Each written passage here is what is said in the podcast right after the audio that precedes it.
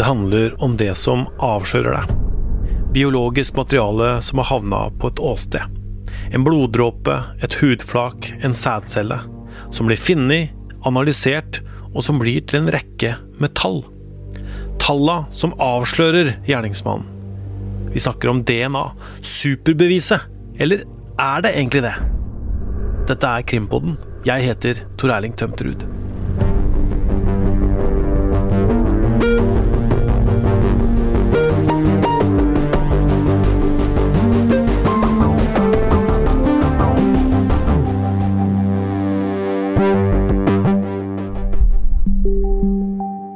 DNA er arvestoffet vårt, og hvert menneske har en unik kode eller en arbeidstegning for hvordan vi ser ut og er. Det er like unikt som mønsteret på fingertuppene våre, men bare så bitte lite. Det skal så lite til at ting som vi ikke kan se engang, kan analyseres og føre til at politiet sitter med hele svaret om hvem som har vært på et åsted. Men det er ikke så enkelt allikevel. For det veit vi jo. DNA har kludra det til i saker som drapet på Birgitte Tengs. Der var det mye rot, og DNA har egentlig ikke ført til noen løsning. Ennå.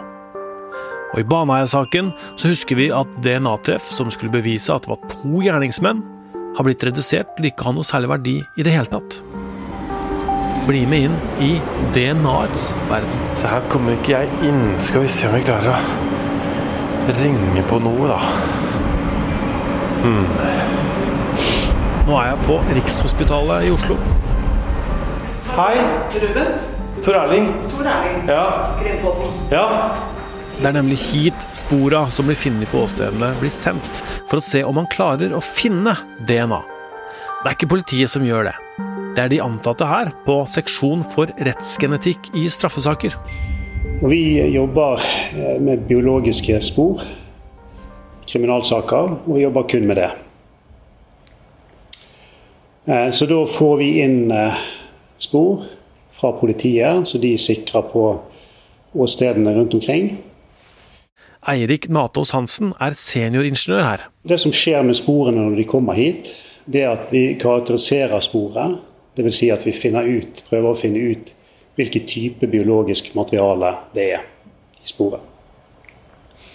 Så vanlige spor som vi får inn, det er blod, det er sæd. Um, og så er det en stor gruppe med spor som inneholder det vi kaller for epitelceller. Som er overflateceller fra kroppen. Enten fra hud eller fra slimhinnene i kroppens hulrom.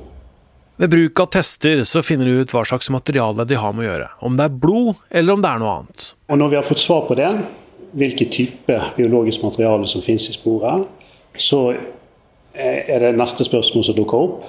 Hvem stammer dette biologiske materialet fra? Og For å svare på det, så gjør vi en DNA-analyse. Eh, og Da vil vi først starte med å trekke ut eh, DNA-et som er i cellematerialet. Ekstrahere kaller vi det for. Og så mengdebestemmer vi hvor mye DNA som finnes der. Hvor mye humant DNA. Det er viktig. De kan fort se om det er mann eller kvinne.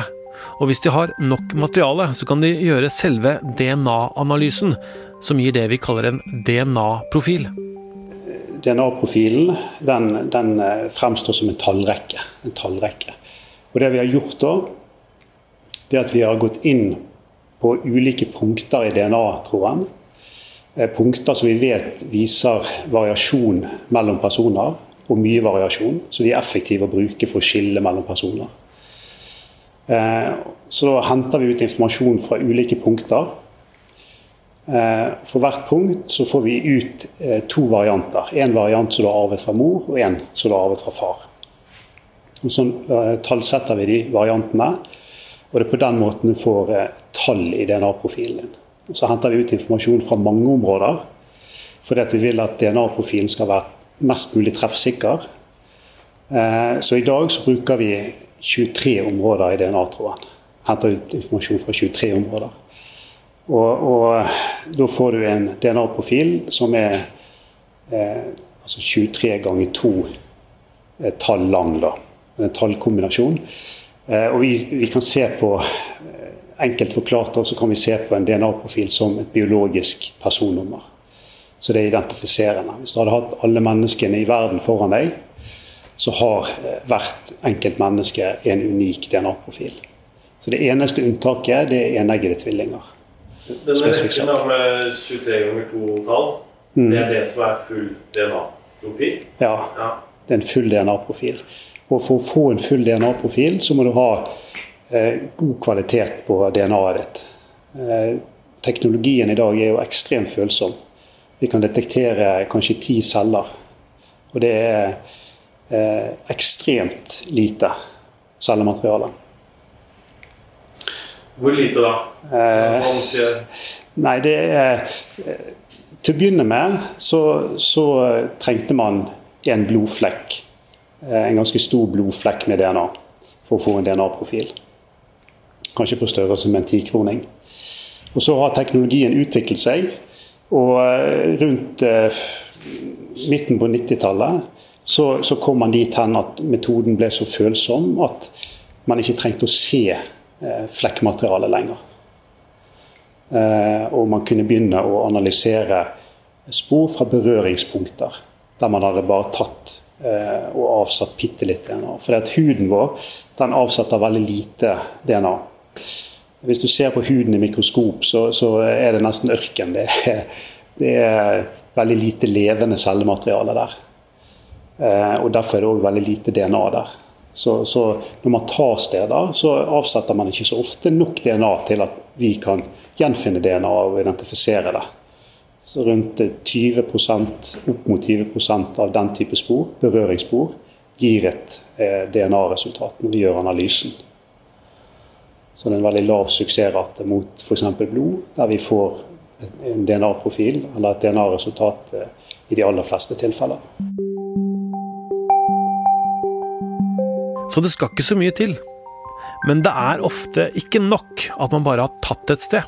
Og selv om ingeniørene finner en fullverdig DNA-profil ut ifra et godt materiale, og de får alle tallene i denne rekka, så er det ikke sånn at det er et sikkert bevis. DNA-resultatet ikke gir informasjon om helheten her. DNA-analysen gir bare informasjon om hvem dette sporet kan stamme fra. Eh, og Så er det veldig mange andre spørsmål i forbindelse med et spor, om det skal bli et bevis i en straffesak.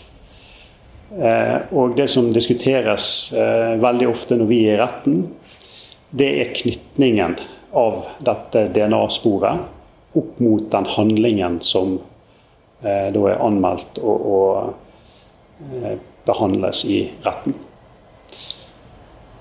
Eh, så, så um, det er ikke sånn at eh, hvis man får et DNA-resultat, så er en person automatisk skyldig.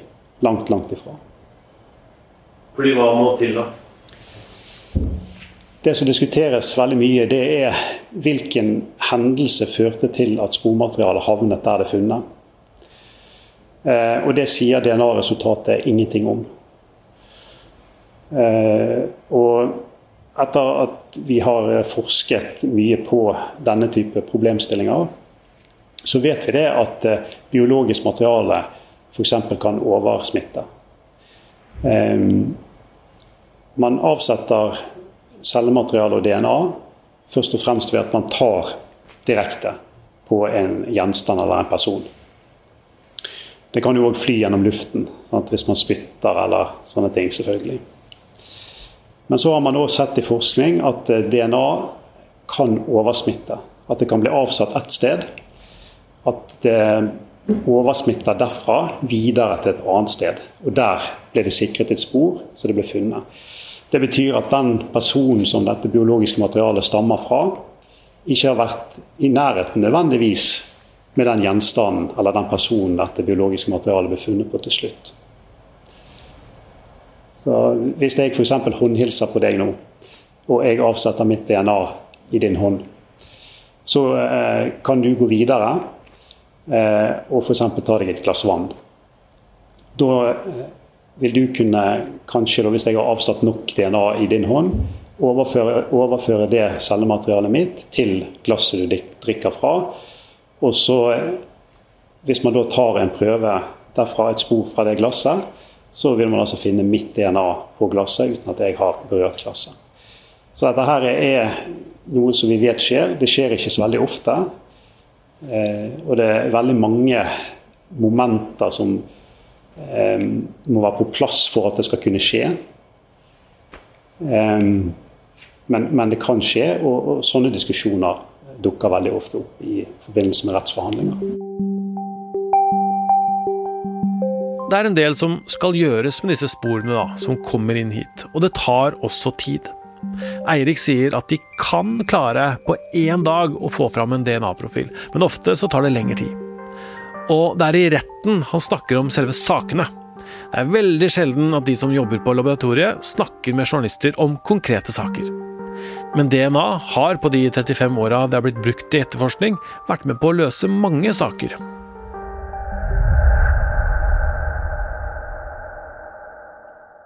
Hei, Øystein. Hei, Tor Erling. Jeg var nå i stad nede på Rikshospitalet og snakka med disse Ja, de som tar og gjennomfører DNA-analysene, da. Ja. Um, og du har jo snakka med dem før, du også. Du veit at dem vil jo aldri snakke om sak. Nei. De vil jo snakke på generelt grunnlag osv., og, så videre, og det er helt greit. Så mm. vi kan jo snakke om sak. Ja, de snakker jo bare i retten, de, om ja. saker, faktisk. Ja, ikke sant? Ja. Eh, for vi har jo mange saker hvor DNA har vært veldig viktig. Eh, mm. hvem er det du tenker på først? Oh, altså det er mange saker, som du sier. Eh, den som jeg tenker på først, er vel Kristin Juel Johannessen-saken. Ja. og, for så vidt også Sjøvegan-saken. To saker som sto uoppklart veldig, veldig lenge men som begge fikk sin løsning gjennom nettopp DNA-spor.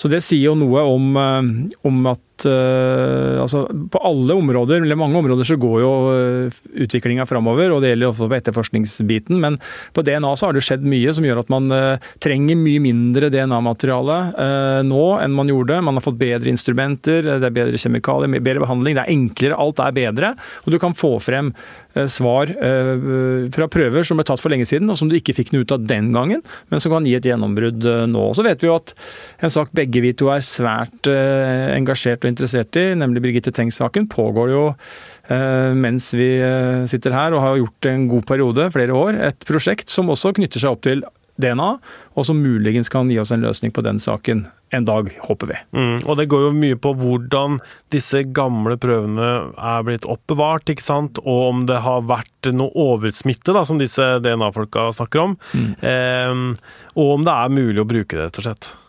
Ja, det gjør det. Og det er jo mange ting som spiller inn der. Det er jo selvfølgelig mengden eh, man sikra den gangen. Det er som du sier oppbevaringa. Og det er jo også sånn at man eh, kan vel oppleve at uh, prøver er, er, analysert, og at det ikke er en grunnlag for å gjøre nye analyser. Men, men det er jo Altså, det er jo det er de tause spor, og, det er jo ofte et veldig et fellende bevis. når jeg tar et forbehold, så handler det om at det kan jo være mange grunner til at eh, mitt DNA er på ditt kinn, ikke sant. Det er ikke sikkert jeg har klora deg, eh, slått deg, eller eh, det kan være en annen grunn. Og det er jo det som gjør at det er DNA-spor av og til så kan du si at det er et rent fellende bevis. F.eks. hvis du sier at du ikke har vært et sted, og så viser det seg at du har vært der.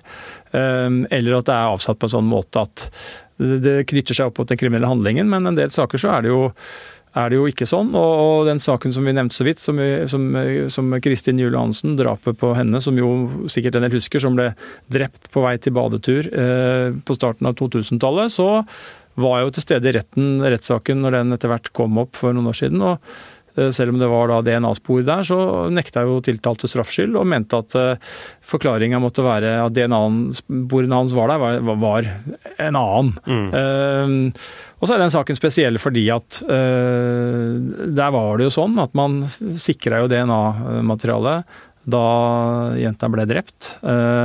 Gjorde en analyse, fikk ikke noe ut av den. Og så lagra man det heldigvis da, ordentlig fryseboks. Mm. Tok det opp igjen seks år etterpå. Gjorde en ny analyse ja, ca. seks år etterpå, lite forbehold, men, men, noen år etterpå. Fikk et, for første gang et spor etter en mann i den prøven. Og Da kan man tenke seg hvordan etterforskerne bare kjente at åh, nå kommer vi nærmere, men vi er fortsatt ikke i mål, og det skulle vi gjerne vært. Så gikk det enda noen år, jeg tror det var seks-sju år til. Tok man en ny analyse, og da fikk man full match. Og så eh, sikra man seg da Man hadde jo da en hovedmistenkt som hadde vært det i alle år.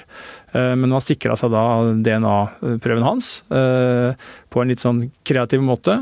Sikta han for et annet lovbrudd, fikk adgang til å ransake, henta mm. DNA-profilen hans, og fikk da match. Og så ble han pågrepet. Så det det er jo en sånn øh, historie om hvor viktig og hvor øh, hvor, ja, hvor viktig en DNA-prøve kan være. Men sånn som i Baneheia-saken nå, da, hvor det er, har vært så mye sånn usikkerhet, da, særlig med den ene typen DNA på en måte som er funnet, og det er ikke en full profil, som det heter, og det er liksom vanskeligheter. Der er det sånn at eh, det vi i hvert fall har hørt, er at materialet er nå for dårlig ja. Det testes på nytt? da? Ja, vi har jo hørt to ting. Vi har hørt det, og så har vi hørt at det fins uh, noe materiale som ikke er eh, sett på før. Mm. Uh, og så pågår det nå en, en uh, diskusjon og en vurdering i påtalemyndigheten om hva man skal gjøre, man skal, og hvilke etterforskningsskritt man eventuelt skal sette i gang, før vi kanskje får en avgjørelse ja, om vi får det før sommeren eller tidlig på høsten, da, hva, hva påtalemyndigheten gjør. Så, så, så, får vi håpe da at det kan være noe også i Baneheia-saken som gjør at man eh, kan få noen flere svar. Men, eh, men, det er jo riktig som du sier at sånn som vi oppfatter det, og sånn som det er framstilt, så er jo toget godt eh, når det gjelder å få noe mer ut av den prøven som jo på et tidspunkt var et bevis mot Viggo Kristiansen, nemlig at man fant et DNA-spor som 54,6% av norske menn hadde, deriblant Viggo Kristiansen, som man jo brukte som et slags understøttende bevis. For dette er jo ikke noe dette er jo ikke noe fellende bevis, dette er jo ikke noe viktig eh, alene. Men det ble sett en, satt i en kontekst, mm. og var jo en eh, bærebjelke for dommen. Og det er jo nettopp en av de tinga kommisjonen peker på i sin eh, flertallet når de gjenopptar saken, er jo det at eh, denne eh, at man hadde ikke grunnlag for å trekke den konklusjonen at dette DNA-materialet var for dårlig, og at analyseundersøkelsene var for dårlige, og at det man bruker som formulering er at DNA-spor i dag står i en nøytral stilling, altså det er ikke verdt noe. Så det er jo, en, det er jo et eksempel på et DNA-bevis materiale som har gått andre veien. da. Eh, ikke sant? Nå snakka vi først om Kristin-saken, hvor det gikk, endte opp med en dom og oppklaring. Eh, og så har vi da Baneheia-saken, hvor det per nå har eh, gått andre veien, fra å være et uh, reelt bevis til å være uh, ingenting. Det som ofte er problemet, er at man har eh, fra åsted samla inn ganske mye. Man finner DNA-profiler. Man har en fullstendig profil, men man aner ikke hvem den profilen tilhører. Og da finnes det jo på en måte noen metoder for å finne ut hvem det er da. For eksempel så var det jo en student i Førde som ble drept eh, tidlig på 2000-tallet. Da du også, du rykka vel dit? Ja. Jeg var i Førde på, både på da drapet skjedde, og jeg var faktisk også tilfeldigvis i Førde da pågripelsen skjedde. Ja. Det kan vi Og drapet på Anderslotten. Ja. Det kan vi tilskrive tilfeldigheter og, og at jeg var der da. men men der var det jo, som du sier, eh, en, altså det var jo en, en sykepleierstudent som skulle på eh, jobb, helgejobb, eh, på et, ja, et sykehjem eller et helse, helsealdershjem. Mm. Og hun gikk da dit, og ble forsvant kom aldri fram og ble etterlyst, og ble funnet drept, delvis avkledd i et eh, skogkratt like ved gangveien. Ehm, og dette var jo en eh, gruoppvekkende sak. Eh, det er jo den type saker som, som, virkelig gjør inntrykk, og som gjør hele Norge mer utrygt. Fordi at det var helt åpenbart et helt tilfeldig offer som hadde møtt en drapsmann. Um, og det man da, men der hadde man også DNA-funn, uh, som du sier, men man visste jo ikke hvem det var. Og man hadde jo ikke noen opplysninger om at uh, hun hadde vært i kontakt med noen. Uh, det man etter hvert fant ut, som var av betydning, var at um, Anders Slåtten hadde dusja om morgenen. og det brukte man en del etterforskningskapasitet på å avdekke, men man hadde lydtester inne på hybelen osv. Og, så videre, og fikk da fastslått det. Og det hadde betydning for å si at hvor sannsynlig eller ikke sannsynlig var det at hun kunne ha eh, det DNA-materialet som de fant på henne, fra før. Eh, for det kunne vært en mulighet. Mm. Men da så man den muligheten som ganske liten. og sannsynligheten for at de satt på da en DNA-profil fra en gjerningsperson, gjerningsmann, eh, var stor. Og det man gjorde, var at man begynte da etter hvert å, å kalle inn menn i Førde og omegn. Og da er man jo for så vidt prisgitt at man si, Man hadde jo kanskje muligheten til å kalle inn andre også, man visste hadde vært der. Men man kan jo da risikere at du, når du gjør den øvelsen, at du ikke at det er en person som har gått under radaren og som har vært på gjennomreise og er 20 mil unna, men ikke har lagt igjen noen spor som gjør at du kobles til stedet eller til Førde da, mm. akkurat på drapstidspunktet, så kan du gå uh, under radaren. Men, uh, men her eh, samla meg inn en prøve etter prøve etter prøve. etter prøve. Man hadde jeg tror 1263 eller noe sånt prøver. Da må man melde seg frivillig, eller man må gå frivillig. Ja. Du kan faktisk nekte. Kan ja da, det kan du. Og så vil jo det selvfølgelig avstedkomme ja, ja. en interesse, men, men man er frivillighet. Og det var jo Eh, vi var jo der oppe, som sagt, og jeg så jo sjøl hvordan det var valfarting til en, eh, en skole, hvor de hadde rigga seg til og tok da spyttprøver. Mm. Eh, og de hadde kommet og tatt mer enn 1200 prøver, og så tror jeg det var prøve nummer 1064. Den var det treff på. Så da var han mannen inne, da? Da uh, fikk man treff, ja. og så ble han pågrepet, og han ble dømt for drapet. Han uh, Eh, nekta straffskyld, eh, men eh, retten mente at det var helt usannsynlig at ikke han var gjerningsperson, og han ble dømt. Så der kom jo da løsningen på den saken etter et Ja, skal vi se, hun ble drept på forsommeren, han ble pågrepet i oktober, så det tok jo noen måneder da. En annen sak som du også kjenner godt, Øystein, er Lommemannen-saken. Der hadde man DNA uh, i lang tid i forskjellige politidistrikter, men man klarte ikke å finne ut hvem denne personen var. Hva var det som skjedde til slutt? Nei, der uh, hadde man jo et uh, svare strev, for dette var jo en mann som reiste mye rundt, uh, og som var veldig mobil. Og som kanskje var bevisst på det å ikke legge igjen spor. Man hadde jo noen overvåkingsbilder hvor man brukte caps osv. Så, videre. så politiet lette jo etter han med, med stor, store styrker i flere år. Men så kom han jo da etter hvert på sporet av ham. og Uh, gjennom taktisk etterforskning uh, så fikk man en mistanke om at dette kunne være mannen. Det var bl.a. fordi at man hadde en, en overgrepssak fra, fra, hans eget nærområde i Bergen som man uh, begynte å se i sammenheng. og så fikk man det som heter skjellig grunn til mistanke. altså Det betyr at det er Politiet kan godt gjøre for retten at det er mer sannsynlig at en person er, har begått en straffbehandling eller ikke. Og da får man tilgang til å kunne bruke eh, hemmelige etterforskningsmetoder, f.eks. en skjult ransaking. Altså du går inn i huset til en person og foretar en eh, ransaking uten at du merker noe. Eh, det er gjort i mange saker, Nokas bl.a. Eh, mot noen der. Uh, men det gjorde man, da. Og så sikrer man jo da DNA-prøven, og det er ikke noe hokus pokus. Da finner man uh, det kan være mange ting. Det kan vel være en tannbørste, en hårbørste, en eh, klær, altså hva som helst. Så sikker på at man klarer å få tak i en, en DNA-materiale. Og så eh, gjorde man da analyse, og så fikk man da treff på, eh, på han som ble dømt eh, i Lommannen-saken. Og da har man jo et et, eh, det som ble sett på som et fellende og sikkert bevis. Men det er jo som du sier, da, ikke sant? man er jo avhengig av å få tak i vedkommende. ikke sant? Hvordan skal man, Det er jo nesten altså, å bruke en slags stor uh, håv ikke sant? og forsøke å, å fange inn uh, i mange sammenhenger menn. da, Og se om vi klarer å få vedkommende inn der. og Hvis du ikke gjør det, så, så kan du risikere at et DNA-spor eller DNA-bevis ikke er verdt noe. For det, du er nødt til å få tak i vedkommende. og det Eh, er jo eh, en jobb som eh, ofte lykkes i Norge, og det handler jo bl.a. om at vi er et ganske gjennomsiktig lite land. Men, men Med mindre DNA-et ditt ligger i et DNA-register. Ja, da er det jo annerledes. Da, da, tikker du inn, ikke sant. Og så er det jo strenge regler hvor, hvordan DNA-registeret er, er, organisert. Men, men da, da, da, klart det er lett. Men mange av disse sakene er det jo ikke. Eller alle de sakene vi snakker om nå, så er det jo ikke noe DNA profil på deg, ikke sant. Og det er ganske mange saker Eh, vi var så vidt kanskje innom Sjøvegan-saken. Eh, drap eh, og husbrann.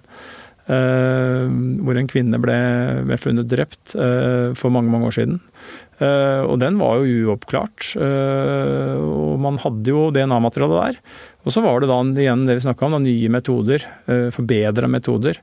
Bedre utstyr. Og bedre kjemikalier. Bedre, altså, ja, og, og, da fikk man da en full treff, og så var jo den mannen som til slutt ble dømt, var vel i utlandet når uh, treffet kom, og så venta man da uh, til han dukka opp igjen, uh, tror jeg det var. Eller om han ble utlevert, husker jeg ikke helt, men han fikk i hvert fall, fikk i hvert fall tak i mannen, og han ble jo dømt. Mm. Så, så, det er det er Altså, DNA er, er viktig, og, og det Eh, er jo bra at teknologien er med oss, eh, og at man får eh, enklere, enklere å finne DNA-profiler, DNA-spor. Jeg skal til Kripos seinere og snakke om DNA-register og de nye metodene. Så det blir bra å høre hva de sier. Ja, det blir spennende. Og så veit vi jo, som vi har vært inne så vidt om på, før Hekrimpodden, så veit vi at det også pågår en annen prosess som kan gi politiet Eh, flere eh, virkemidler, og det er jo denne slektsforskningsbase, eh, å bruke DNA derfra.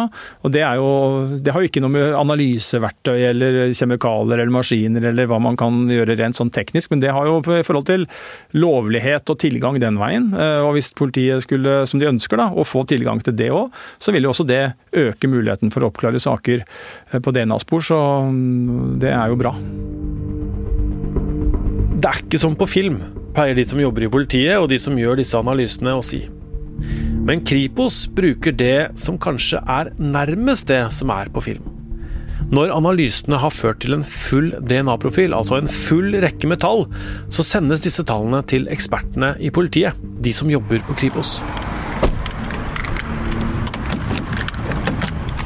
Nye Kripos-lokaler her, da. Her har jeg ikke vært før. Jeg ble sendt hit. Jeg er Tor Erling fra VG. Ja. Men jeg er parkert rett på utsiden her. Kan jeg gjøre det, da? In, ja, da du står sikkert der. Ja, det går fint? På parkering forbudt så går det så bra. Jeg passer på bilen. Ok, er det greit? Det er helt greit. Ok. Vil du bare skrive deg inn på PC-en? Det går fint. Eh, skal du besøke Heidi Frydenberg. Jeg skal ringe henne. Fint. Takk. Hei, jeg heter Heidi Frydenberg, og jeg er leder for eh, seksjon for DNA og Saknetregisteret. Hva gjør du på jobb? Jeg er jo aller mest leder for en gjeng med veldig veldig dyktige kollegaer. Og de Vi, jo, vi forvalter ansvaret for DNA-registeret og Saknetregisteret. Eh, og det gjør jo at vi vi får f.eks. inn uidentifiserte lik, likdeler, som vi søker mot registeret. Vi får inn spor fra åsteder. Vi får inn personprofiler fra personer som er sikta, eller personer som er eh, domfelt i saker. Og så søkes det mot DNA-registeret. Og nå kommer vi til det som ligner på filmene. Når tallrekka kommer fra laboratoriet, så sjekkes den med registeret. Og det er da det sier og man ser hvem DNA tilhører. Hvis DNA-profilen er registrert fra før, da. DNA-registeret består egentlig av tre deler. Eh, av et identitetsregister. Der er det personer som har begått straffbare handlinger som de er domfelt for. Og Der er det ca. 111 000 personer i dag i den basen. Og så har vi da det vi kaller etterforskningsregisteret. Der er det de som er sikta i saker. Der er det drøye 4000 personer. Og så har vi sporregisteret. Eh, det inneholder ca. 13 000 profiler. Og det er profiler som er sikra på eh, åsteder, eh, og som vi da ønsker å få identifisert. Og i en optimal verden så skulle jo sporregisteret inneholdt null profiler. Da hadde vi identifisert alle. Eh, så de, de registra, det som er viktig å si, tenker jeg, er at de tre registra, identitetsregisteret, etterforskningsregisteret og sporregisteret, de blir kontinuerlig søkt mot hverandre. For å både identifisere spor, men også for å knytte spor mot hverandre. Sånn at eh, man gjennom det da, kan komme nærmere en gjerningsperson. Eh, men også for å se på personer som avgir Eh, falsk identitet. Det hender vi har person-person-treff, eh, og det skal vi jo ikke ha. Bortsett fra når det gjelder eneegga tvillinger. De har likt DNA. Men kan man, kan man sjekke over disse registrene som man vil? Ja. ja. De, de, søkes kontinuerlig mot hverandre daglig. Og Vi bruker et verktøy som er veldig effektivt og bra, som er utvikla av FBI. Så det det kan du mate med millioner av profiler. Eh, så det er eh, ja, et effektivt og godt verktøy hvor du vil få svar på sekunder om f.eks. et spor er identifisert med en person. Hvis det nummeret da dukker opp i det som du kaller identitetsregisteret, så tilhører det nummeret en som da tidligere er straffedømt. Ja. ja. Men hvis det dukker opp i sporregisteret, ja. Så dere vet ikke hvem som er hva? skjer da? Ja, nei da eh, Hvis det er flere distrikter, eller hvis eh, to distrikter da, eier hvert sitt spor, så får begge beskjed om at disse to sporene er kobla sammen. Og, og, det fører jo gjerne til et godt samarbeid, og hvor man kan ja, se på modus eh, Eh, samarbeide politidistrikter imellom. For, og vi har jo hatt eh, noen saker der vi har hatt kanskje ti spor som har treffet hverandre, før vi har, kommer nærmere en gjerningsperson. Da. Eh, og vi kan også, særlig i alvorlige, uoppklarte saker, så kan vi sende det via Interpol for å se om vi har et mulig treff i Europa eller Asia eller USA. Vi kan sende det til alle Interpol-landene, som er nærmere 200. Hvis mitt DNA havner på et åsted da, og havner i dette sporregisteret, er det der for alltid? Ja, det er det, men der har vi gode rutiner på at eh, hvis du f.eks. Eh, blir utsatt for et villainnbrudd, eh, så vil politiet sikre DNA-prøver av deg og de andre som er på bopel. Og så blir det da eh, sjekka ut ved Oslo universitetssykehus, sånn at vi skal unngå at nettopp du kommer i sporregisteret. Så det blir det tatt en god kontroll på. Det kaller vi en referanseprøve. Eh, og det er selvfølgelig frivillig å avgi.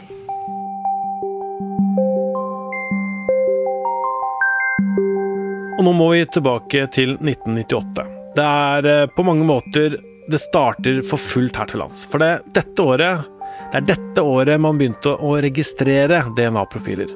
Og det var ikke sånn at det flommet over av profiler i registeret. Det var rett og slett bare én profil der.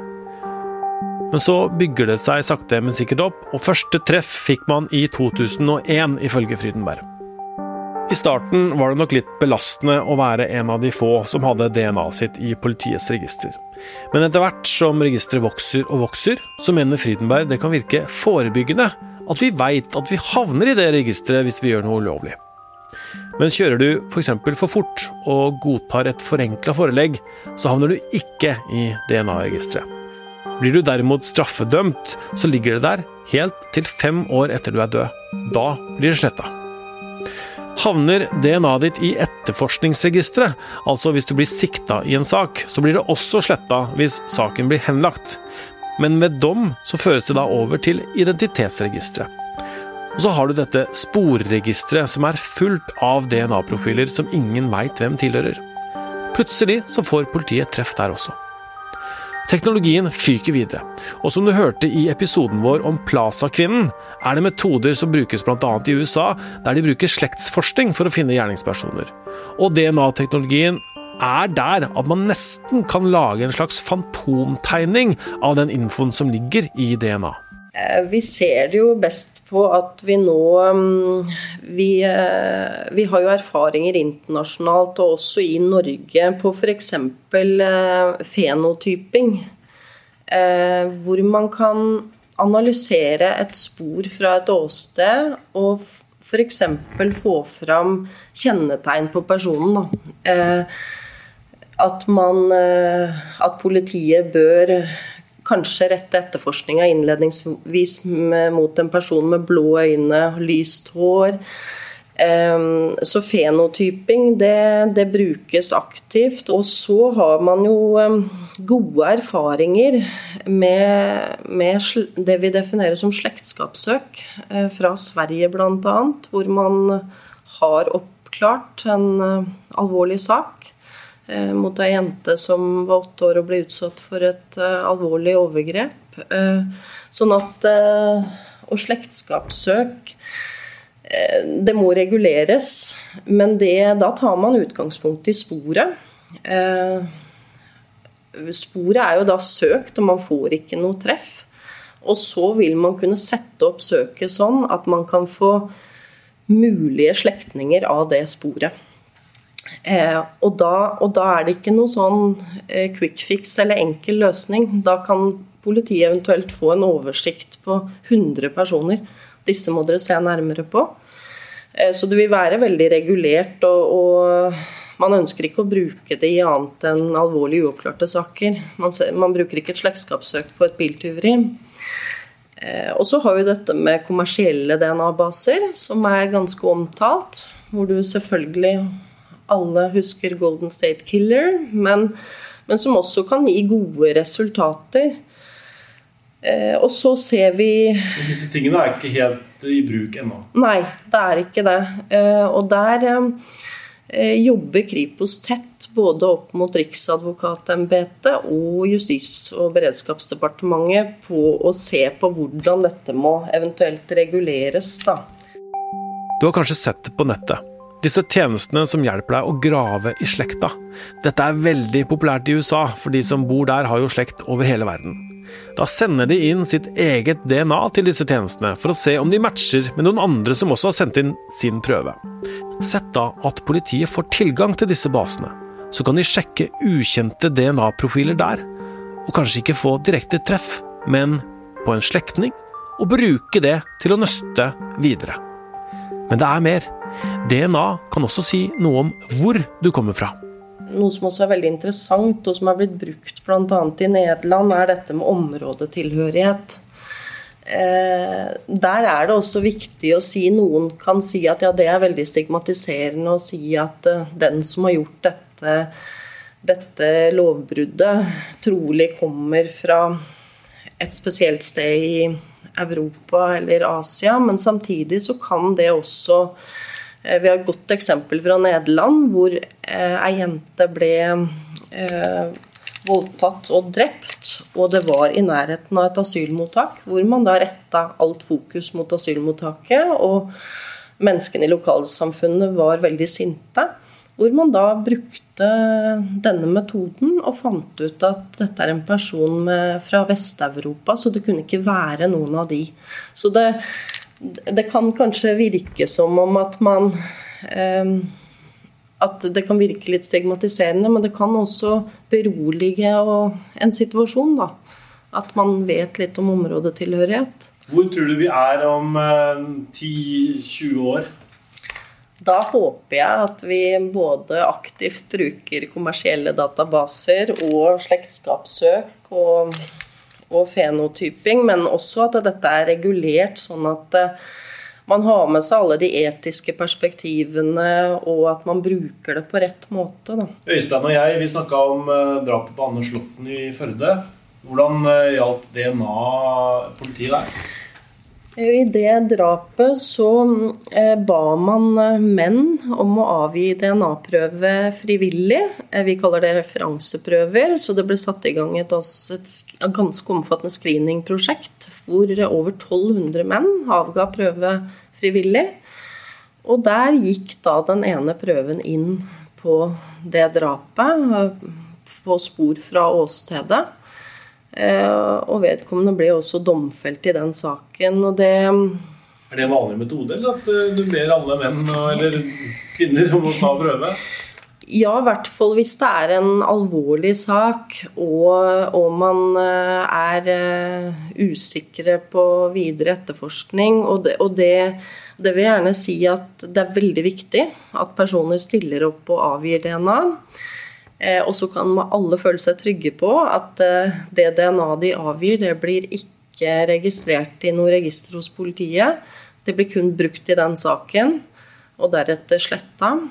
Eh, og så vil jeg også si at selv om det kan være belastende hvis man sier at f.eks. alle menn mellom 20 og 35 år må avgi en prøve, så skjønner jeg at det kan være belastende, men det er jo også belastende å kanskje føle seg mistenkeliggjort, da, bare for at man nettopp er mann i den aldersgruppa.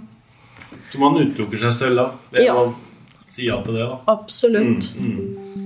Da jeg var på Rikshospitalet og snakka med Eirik Natos Hansen om hvordan de behandler DNA, så satt sjefen hans, Solveig Jacobsen, og hørte på. Hun er også veldig hyggelig og veldig interessert i DNA, men hun er bekymra for hele faget, nå som utviklingen går så fort. Det er ingen sentral overordnet myndighet som styrer bruken av rettsmedisinske tjenester. Og da tenker jeg ikke bare på rettsgenetikk, men på rettspatologi, rettstoksikologi, rettspsykiatri.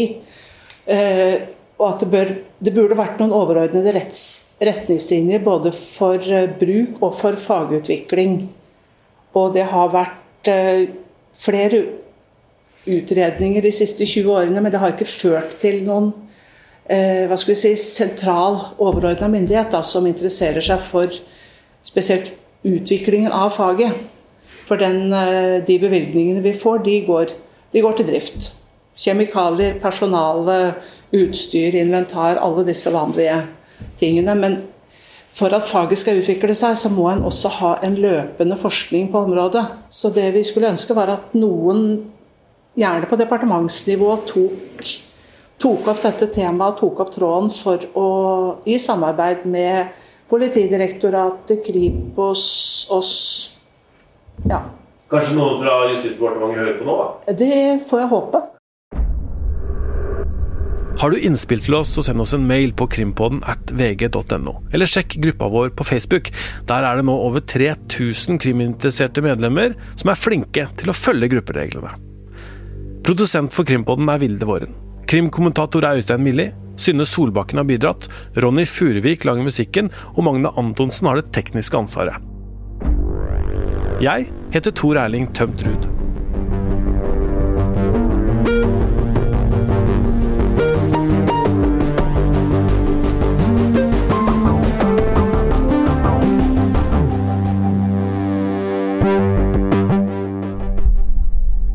Du har hørt en podkast fra VG.